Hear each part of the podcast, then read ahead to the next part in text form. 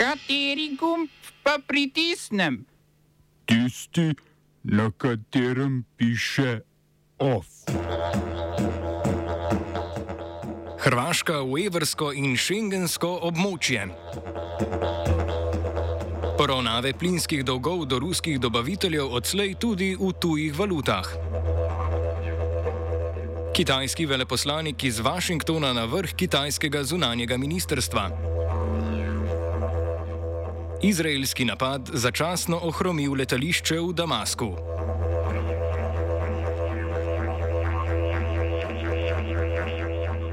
Lula da Silva je na novega leta dan tretjič zaprisegel kot brazilski predsednik. Na oktobrskih predsedniških volitvah je v drugem krogu s tesno večino premagal dosedanjega predsednika Žaira Bolsonara. Ta se inauguracijske slovesnosti ni udeležil, saj je že v petek na predsedniškem letalu odletel na Florido. Nekdani sindikalist Lula je državo vodil že med letoma 2003 in 2010. V prvem nagovoru kot predsednik države je napovedal obnovo države, ki je, kot se je izrazil, v strašnih ruševinah.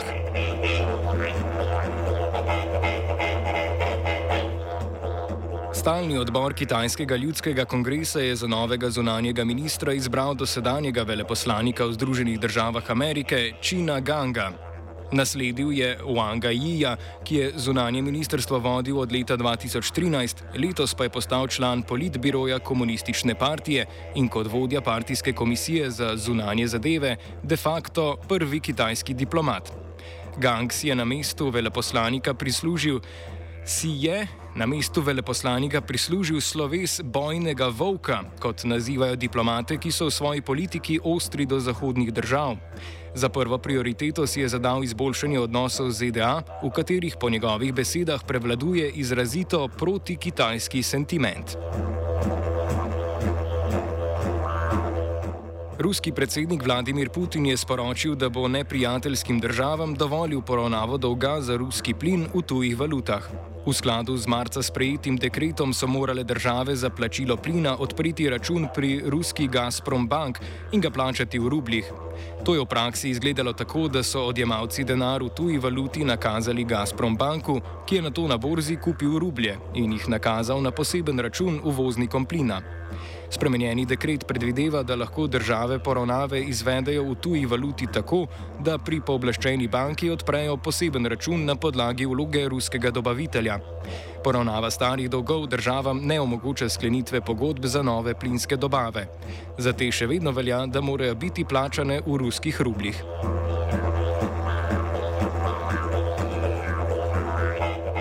Sirska vojska je sporočila, da je več izraelskih zračnih raket zadelo mednarodno letališče v Damasku.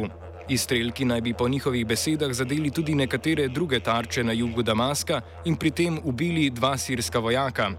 Letališče, ki je v uporabi za civilne in vojaške namene, je začelo ponovno obratovati sedem ur po napadu.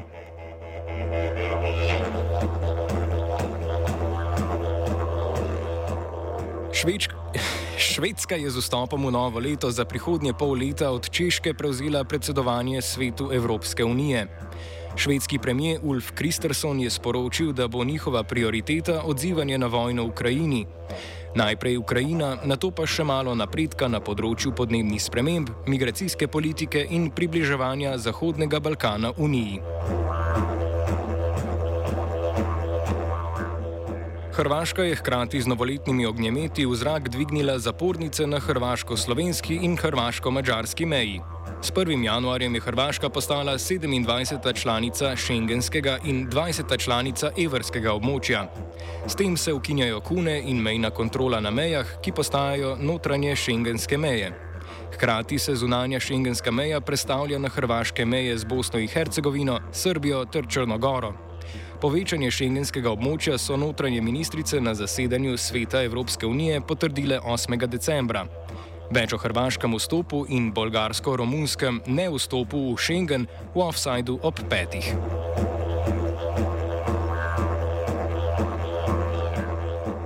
Više sodišče v Amsterdamu je odločilo, da družba SBK Art začasno nima glasovalnih pravic na skupščinah hrvaške trgovske skupine Forte Nova, sicer naslednice Agrokorja in lastnice Merkatorja. Razlog za to je uvrstitev SBK Art na seznam družb, ki v Evropski uniji ne morejo uveljavljati ekonomskih interesov. Deveti svežen sankcij proti Rusiji glasovalne pravice namreč nedvoumno tolmači kot nematerialno sredstvo uveljavljanja ekonomskih interesov. SBK Art je lasnica skoraj 43 odstotkov delnic Forte Nove. Sodba drugostopenskega nizozemskega sodišča s tem razveljavlja sodbo prvostopenskega sodišča, ki je SBK Art priznala glasovalne pravice pri določenih vprašanjih. Ruska Sberbank je sicer v začetku novembra sporočila, da je SBK Art prodala vlagatelju iz Združenih arabskih emiratov Saifu bin Marhanu Al-Ketbiju. Po njihovo naj bi bil posel zaključen in prepravno veljaven, česar pa Fortenova ne priznava in trdi, da gre za navidezno prodajo ter poskus kršitve sankcijskega režima v Uniji in Združenem kraljestvu.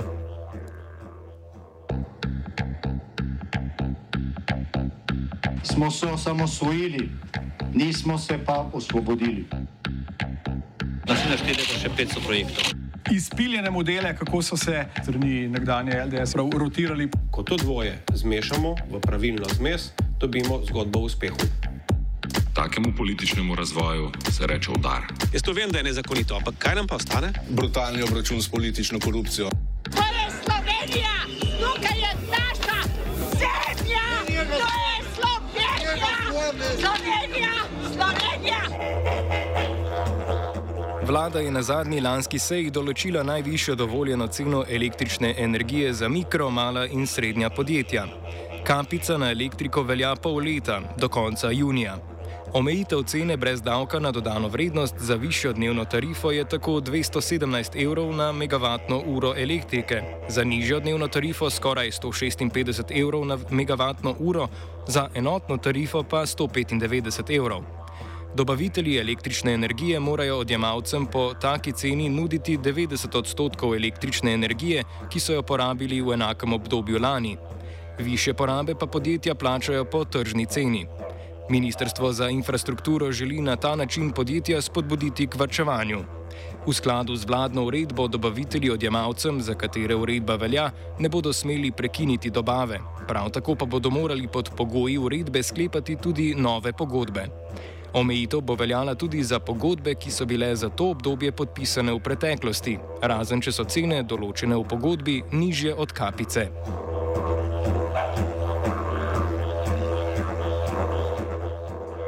Ministrstvo za zdravje je objavilo seznam 94 ambulant za bolnice, ki nimajo izbrane družinske zdravnice. Takih je približno 132 tisoč.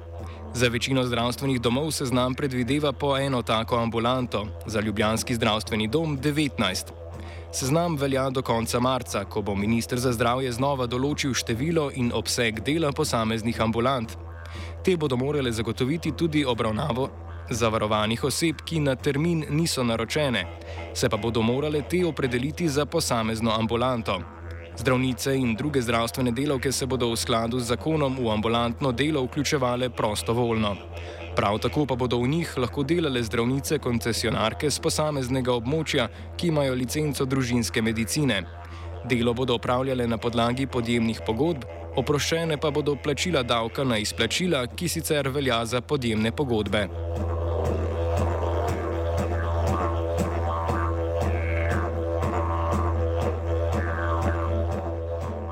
Poslanski skupini Slovenske demokratske stranke in Nove Slovenije sta vložili zahtevo za oceno ustavnosti novele zakona o dohodnini.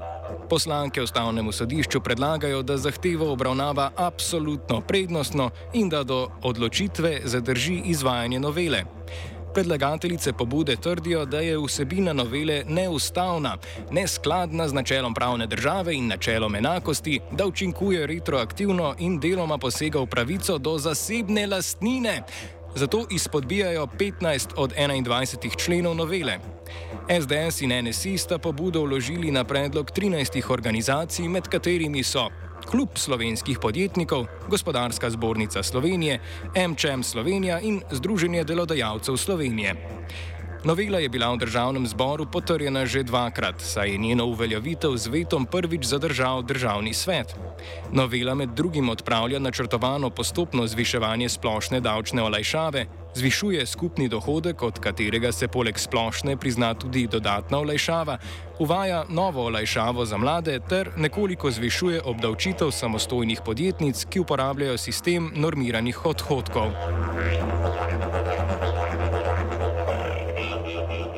OF je pripravil Blaž.